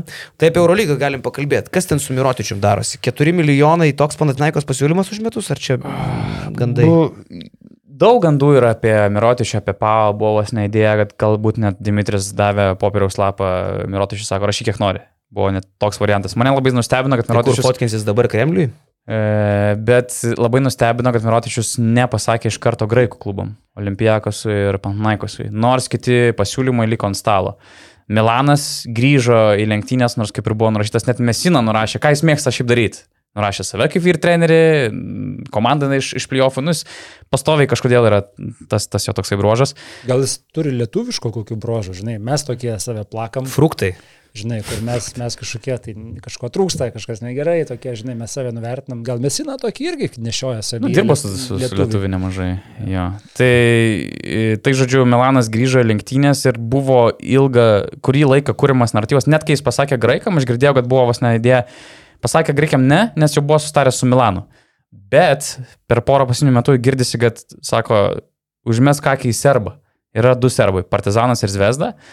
Ir iš kur jie gali ištraukti pinigų. Tai ten vos ne iki, iki tokio lygio yra vienas momentas, o kitas dalykas irgi valstybinio lygio, vos ne Mirotičius turi kažkokių verslų e, Serbijoje ir ten pagalbas visokios plėtrai, verslo žemėm ten vos nepasididinti ir, ir taip toliau. Nu, ten tasme, taip dirbo Hebra. Ir aš ką suprantu, tai yra, nu, kai tu turi šansą pasirašyti tokį žaidėją, kuris šiaip, pažiūrėjau, su Zvezda, man atrodo, jis e, nesieja šiltų, e, tiksliau, sieja šiltų santykius, neslėpia šiltų santykių. Man atrodo, yra toks abipusis ryšys, kaip buvo tarp Teodosičius ir Zvezdos, galbūt tarp Mirotičius ir Zvezdos yra mažesnis, nes jis yra lygiai taip pat kandidatas į partizaną, bet, žodžiu, nu, yra tokia tipo abipusis noras. Tai natūralu, kad tos komandos daro viską, kad tokio kalibro žaidėją prisikviestų į savo komandą. Kad ir čia kaip Šeškus galbūt darydavo visus įmanomus įdomius būdus, kaip prisiviliot krepšininkus, kaip kiti ieško tų galimybių, jeigu tu negali kontraktų to duoti, žiūri kokiu kitų privalumų. Kiti, kiti klubai bando su mokesčiais sužaisti visoje Europoje, ar tai Monakas, ar tas pats Milanas, daug, Virtusas. Tai žodžiu, nu, daro viską, kad išeitų Myro pasikviesti. Tai bus labai įdomu. Sprendimas realiai, kiek girdėjau, turėjo būti priimtas savaitės pradžioj, bet jis vis dar dėlse. Nežinau, kodėl dėlse, bet, nu, aš manau, kad čia iki savaitės pabaigos tikrai turi išspręsti. O Barsai vis tiek reikės mokėti gabaliuką kontrakto, ne? Uh, nežinau, nes neįsivaizduoju, kaip jie ras tą susitarimą. Teoriškai gali būti netgi taip, kad Barsa viską išmokės, tiesiog per kelis metus. Galbūt Bus čia per idėją. normaliausias variantas būna būtent, tu sumoki tą gabalą, kuris lieka nuo naujo kontrakto. Bet tai jeigu reikia viską išmokėti, neapsimoka tiesiog pasilikti Mirotičiaus, ar čia jau toks balastas? ne, geriau išmoki viską ir tada moki milijoną išpirką e, tam parai nes, ir Birzuelai. nes sudėtingi Nesutaupai, laikai. nesudėtingi laikai ir taupai. taupyti. Ja, ja. Kažkaip katalonai kitaip, man atrodo, Ne, supranta tik taupymą baigtų negu mes. varis, nu gal jie ir mm, naivus, bet nekvailinų, ne, nemanau. Kad taip jau padarytų. Nu, ok, Raisa kažkada marinavo dubleriniai komandai, iš principo. Kažką, kaž, nu, kažką logiškai reikia tikėtis, kad jie suras kažkokį variantą. Mhm. Bet žodžiu, su Mirotičiam įdomių dalykų yra tikrai. O pasakyk man dar tokį dalyką, nu aš noriu va tokį biškį plėtkų iš tavęs, vis tiek tu ten viską žinai. Tai dabar Žalgiriukas šią savaitę pasitvirtina Evansą ir Brasdeikį, ne? Nes šią savaitę turi, turi jau pasibaigti terminas. A. Iki 15. Man atrodo, jo. E, tai jeigu šitai lieka, tai viskas tvarko. Jeigu nelieka, ten skaičiau, kad e, kandidatų sąraše yra Hilliardas, Grigonis, jeigu neliktų Brasdeikio, pavyzdžiui, ne? E, Bet kad manau daugiau šansų, kad liks, tai čia, žinai, čia gali bet ką į tą sąrašą įtraukinėti. Nu jo. Nežinau, ar prasminga. O Maneko atvejais, ko laukia Žalgeris? E, Man atrodo, Manikas labiau laukia. Aš kiek girdėjau, bet čia jau prie tos galbūt savaitės gal informacija, kad Manikas užsispyręs patekti į NBA, jis nenori niekur prisirišti savęs iki tol, kol neišgirs paskutinio ne. Ir man atrodo, jis yra irgi galbūt iki vasaros lygos pabaigos. Jam, man atrodo, tiktų ir, ir tie two-way kontraktai. Tai kiek žinau, čia Manikas šiaip yra toks įdomesnis žaidėjas. Kiek girdėjau, ir jo agentas yra toks įdomesnis. Tai ten yra darybinių tokių sunkumų, bet man atrodo, Žalgerio kryptis nesikeičia. Dėl jo jie laukia, jie jo labai nori. Ir galbūt per kelias dienas užsidarys šitas klausimas, jeigu niekas jo nepaims NBA. Mhm. Nu, Žalgiris gana anksti ir su mažai pasikeitimų šią vasarą išgyventų iš esmės. Ir labai gerai. Įsivaizduok, jeigu šm, nu, Šmitas būtų kabėjęs ant plauko, jį tikrai būtų kažkas paėmęs. Nes po Mirotičiaus nėra ką imti tą poziciją. Šmito dabar visą atsukus laikrodį atgal, žinai, kaip Žalgiris išsaugojo Šmitą, kad ir pakeldami ten tos pinigus iki, nežinau, 8-900, kaip yra kalbų, kažkam tai gali atrodyti daug, bet iš esmės Žalgiris turės vieną geresnių ketvirtų numerių Europoje. Šiaip jau. Taip, taip, Tokį- taip, vienareikšmiškai. Tokį stretch for atrasti kažkur kitą, tu nemažai pavartumai, rasdamas dar kokius 3-4 tokius žaidėjus, o komandų yra 18, tai kad Žalgiris turės Šmitą savo, savo gretose, man tai čia tikrai atrodo per mažai įvertintas, per mažai apkalbėtas šios vasaros laimėjimas, nes jis toks tyliai ramiai užsidarė kaip Šmitas, tylus, ramus, nelabai ten kažkur lenda į akį, bet tu išsaugoji tokį žaidėją. Nu jo, Žalgiris pademonstravo tokį truputį matymą, vis dėlto metą atrodytų pinigus, kur kažkada skambėtų, kiek Žalgiris 900, o čia, žinai, išmetė, bet už žaidėją, kurio galbūt dabar jau esamoje situacijoje daug kas norėtų, gal net tas pats Pavo griebtų, kai e, išėjo ponas Pau, Williamsas. Partizanas, Monachas, tavsime, Makabis čia su, su Webu šį padarė gerą įimą. Pau pasisekė, kad Mitoglų kaip tik grįžta anksčiau laiko ir gali graiką vietinį žaidėją pasimti, man atrodo, labai geras įimas. Tai šimtas, manau, būtų virš milijono žaidėjas, tai tikrai rinkoje dabartiniai. Jie. Jaunimėlis turi plus 15, trečio kelnių viduryje, greitojo atako ramiai pasiukus per klyną kiša. Vienas Nu, kitam. dabar turit ponios ir ponai progą do, dar uh, Donatą Urbaną pakamantinėti. Ir važiuojam. Sporto pro. Kur krypsta Normanto karjera? Ar girdi kažką apie tai? Blemba, nu neapsimesiu, dabar aš labiau čekinu, kur Jamo Madaro karjera krypsta, kur, krypsta, kur Žėrynas Smito. Nesu Ne, tiek ne, ta, ne įsigilinęs. tavo nubėgę vandenys čia yra. Nu, tiesiog turiu susitelkti biškai kitas rinkas ir labai sunku, jeigu bandyti apie ir Eurolygą, ir, uh, ir LKL, nu čia jau nu, nebeįmanoma. E, Tai ką, ką girdžiu aplinkui, tai ok, bet dėl Margerio nieko negirdėjau, tiesiog, kad nu, per dideli pinigai prašomi iš ryto ir dėl to nėra sustarimo. Taip. Uh, Jonava Strasbūras, ar Šeškus magija pajungs, čia kalba apie Čempionų lygos atranką, šiaip tai Šeškaus komanda subirėjo dalimis, aišku, to ar buvo galima tikėtis, Bet visada turbūt. nieko nebėra, dabar dar klausimas, ne tik, aišku, jau akivaizdu, kad nebėra Bičkauskio, akivaizdu, kad neliko Gareto, tikrai neliks Huskičiaus, e, apie Maxwellą čia kalbos nėra, Laksa, Voreva, liks, neliks čia nesprendimas, žinai, Šeškus Edvinas irgi didelis klausimas, ar liks, ir kaip vis laik kiekvieną vasarą ten daug visokių variantų yra, tai panašu, kad tą komandą reikės rinkti iš naujo, bet kol kas LKL apskritai yra kelios komandos, kurios nejuda, iš viso nejuda, tai tarp jų yra Jonova, kuri prasitėsi Šeškų, smagu, bet dabar laukia, ir Alito, Vilniaus Wolves. Dabar jau Vilnius Vulfs. Nei Mane- vieno įimo, nei Mane gal labiau Kęstutį Kemzūrą. Wolves. Kad- Kad vis Jonava, visi kiti laukia iki rūpjūčio, čia yra, man atrodo, kiekvienos vasaros istorija, bet Wolves aš kažkaip galvoju, kad tik gavę žinią, kad jie žais Eurocapą, galvoju, kad labai greitai padarys įimus. Nebent jie laukia vasaros lygos pabaigos ir taikosi žaidėjus, kurie yra ant NBA ribos. Aš taip nebent paaiškinčiau. Bet jeigu jie taikosi į lietuvius, sakykime, nes tų lietuvių vis tiek reikia, kažkokį stuburą lietuvišką turi turėti, e, tai tas pasirinkimas e, tirpste, tirps. Aišku, galbūt Margeris čia sprendžia tarp dviejų klubų, įsivaizduokim. Net nebejoju, kad jisai turi Vulfs pasiūlymą, nes nu, būtų nelogiška, jeigu jam nepateikė Vulfsai pasiūlymą. E, tai galbūt ten tarp legionieriaus karjeros renkasi, tarp ryto gal kažkokio pasiūlymo ir Vulfs. Bet šiaip tų lietuvių nėra daug. Tarkim, tokį Kuzminską tai reikia čiupti dabar, kol dar jisai karštas, nes paskui jo tiesiog nebeliks. O pagal Vulfs e, gerklę, e, kur tikrai nu, neims prastų lietuvių, arba ten, sakykime, nu vis tiek reikia geresnių, tai jų tiesiog nebeliks paskui, ne, ne vieno. Mm. Rytas, rytas jau davė per snukį Vulfs, prasitesdami Echodą ir prasitesdami Radzevičių. Čia turbūt du kasniai, kurios labai norėjo sukramtyti Vulfs, to pačiu nukenksminant ir rytą, žinai. Tai va, o šiaip, nu, žinai, aš nekalbu apie ten pasvalius ar dar kažką, kur tu ten, kai bus, tai bus, nesvarbu, bet tos va, tokios aukštesnio lygio komandos kol kas tyli, šiaip įdomu. Mm. Bet LKL turgus gana įprastas, Jo. jiems šią atveju jis neskuba atsidaryti. Mažiekiai išskubėjo vieni pirmesnių, bet šiaip dažnas atvejis, kad ten viskas keliasi į Liepos pabaigą, rūpiučio mėnesį, Mm. prieš sezoną. O kur Grigonio karjera pakrypso, dar klausė žmogus. A, Gal kažkas girdėt? Sunku įsivaizduoti. Negirdėjau kažkokių konkrečių variantų. Ar Kulbokai susirvydžiui yra šansų Eurolygoje įsitvirtinti? Kulboka turi Valencijos pasiūlymą, jo? Neturi pasiūlymą, jeigu jis būtų, jis manau tikrai eitų ir, nu, mes čia, ne, ne, nekabėtų šitas klausimas ore, jis yra antis? kandidatų sąraše. Valencija dėliojasi labai panašaus stiliaus žaidėjus. Bet manau, Kulboko šansai kaip yra neblogi, bet nemanau, kad tai yra pirma opcija. Bet šansų patekti Eurolygą yra. Dėl Servidžio abejoju. Nemanau, kad jis turi šansų dabar debituoti Eurolygoje, labiau bus Eurocapas arba BCL. -as.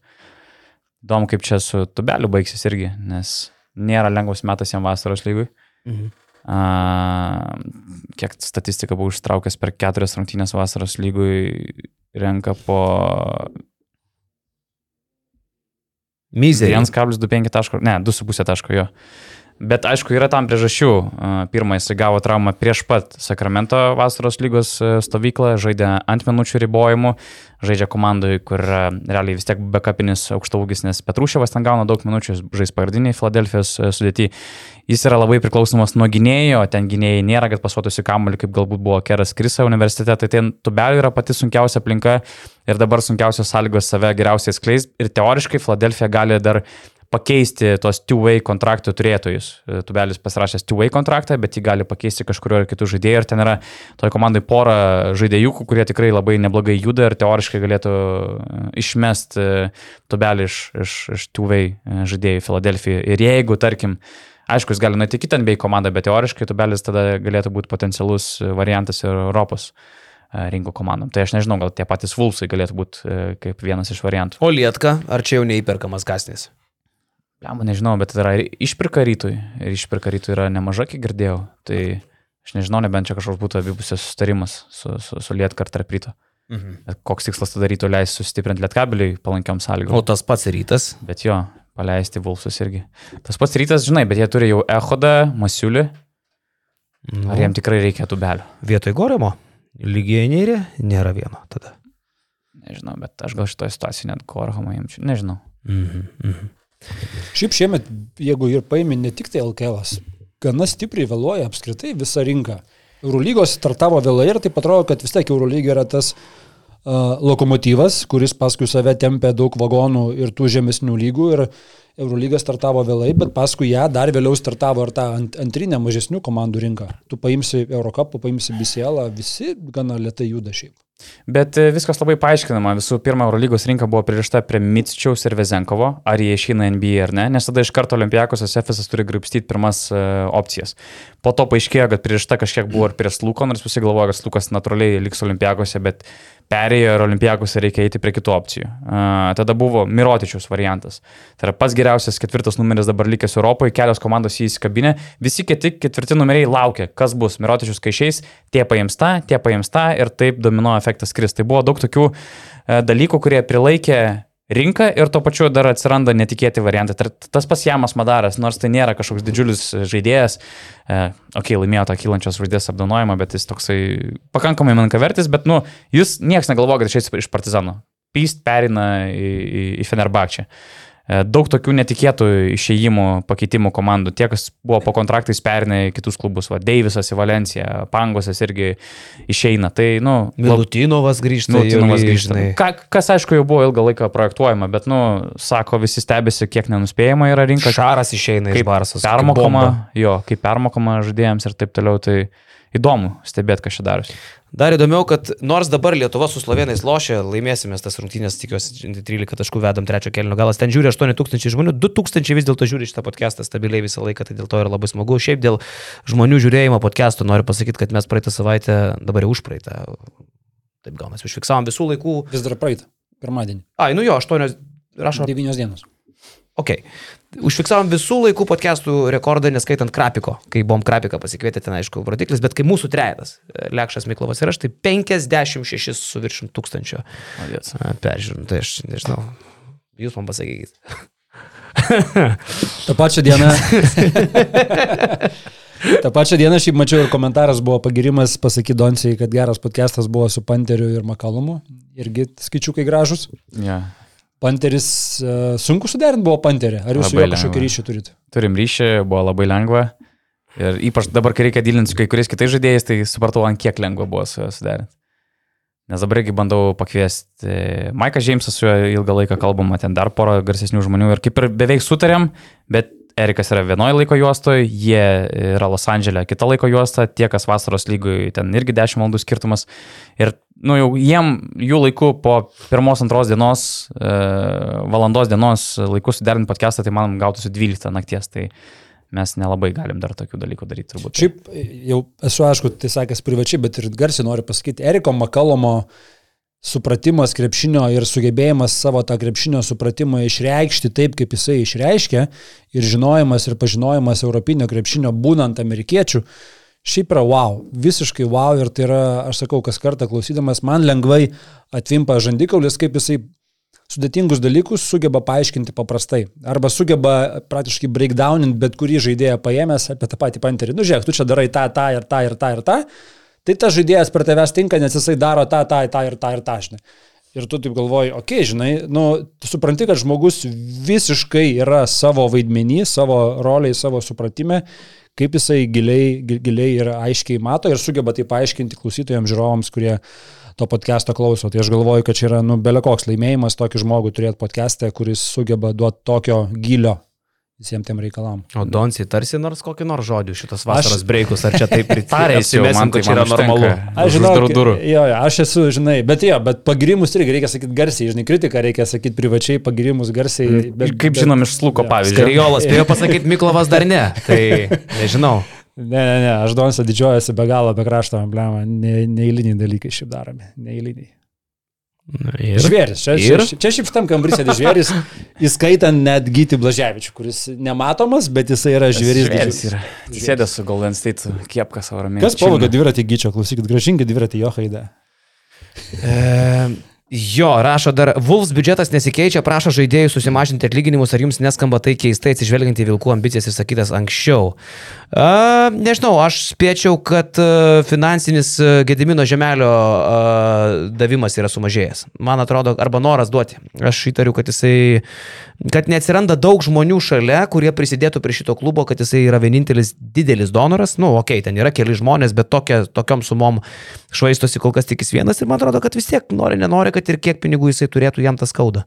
Ir aš galvoju, kad kažkiek yra apetitas sumažėjęs. Žiūrėk, Gal tai netiesa, gal kol kas net Kemzūra pasakė netiesą, mes nežinome, nes tai nebūtų pirmas kartas, kai Kemzūra sako netiesą. Bet e, jeigu tai tikrai yra tiesa, kad jų biudžetas bus 3-4 milijonai, tai yra gal net ir mažesnis negu praeito sezono, kuris viršijo 4 milijonus pagal žemelį, buvo 4,2. Kitaip sakant, net ir patekus į Europos taurę, tas finansinis galingumas Vulfsų neišaugo, o gal net kažkiek sumažės arba liks toks pats. Bet tu su Eurocapu, tu jau gali nebepermokėti žaidėjim taip, kaip tu turėjai permokėti, kad juos atsivežtum į elitų. Nu, ir taip. čia kaip ir sutaupai ir teoriškai netgi pasididini biudžetą, nes už tos pačius pinigus galbūt gali nusipirkti geresnių žaidėjų. Bet prašydamas, jeigu tai yra tiesa, susimažinti atlyginimus, tai tu rizikuoji, kad tavo žaidėjai išeis į sezoną šiek tiek su panarintais antakiais ir nesu tokiu. Pripažinkim, jų tie, ką jie gavo už praeitą sezoną, kiek kokius 2-3 kartus viršijo galbūt kitus pasiūlymus. Nu, daug kartų viršijo kitus pasiūlymus, negu jie turėjo turėjo. Tai dabar sakai, atiduoti reikės.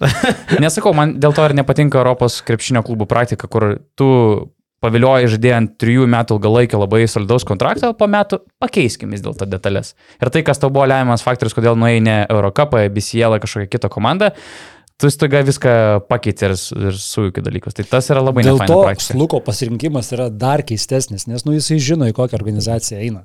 Prasme, nu, taigi nėra, kad tu nueini į užtikrintą stabilį, į Fenerį, ne? Nu, Feneris yra užtikrintas, solidi, daug metų jau rodanti, kad aukštam lygiai dirbanti organizacija. Tu ten žinai, ką nuės ten, jis nueina į situaciją, kur, okei, okay, gerai, jam popierius atrodo tie, tie, tie pinigai, bet kaip ir sakai, tai yra klubas, kuris po metų gali pakeisti kryptį maksimaliai.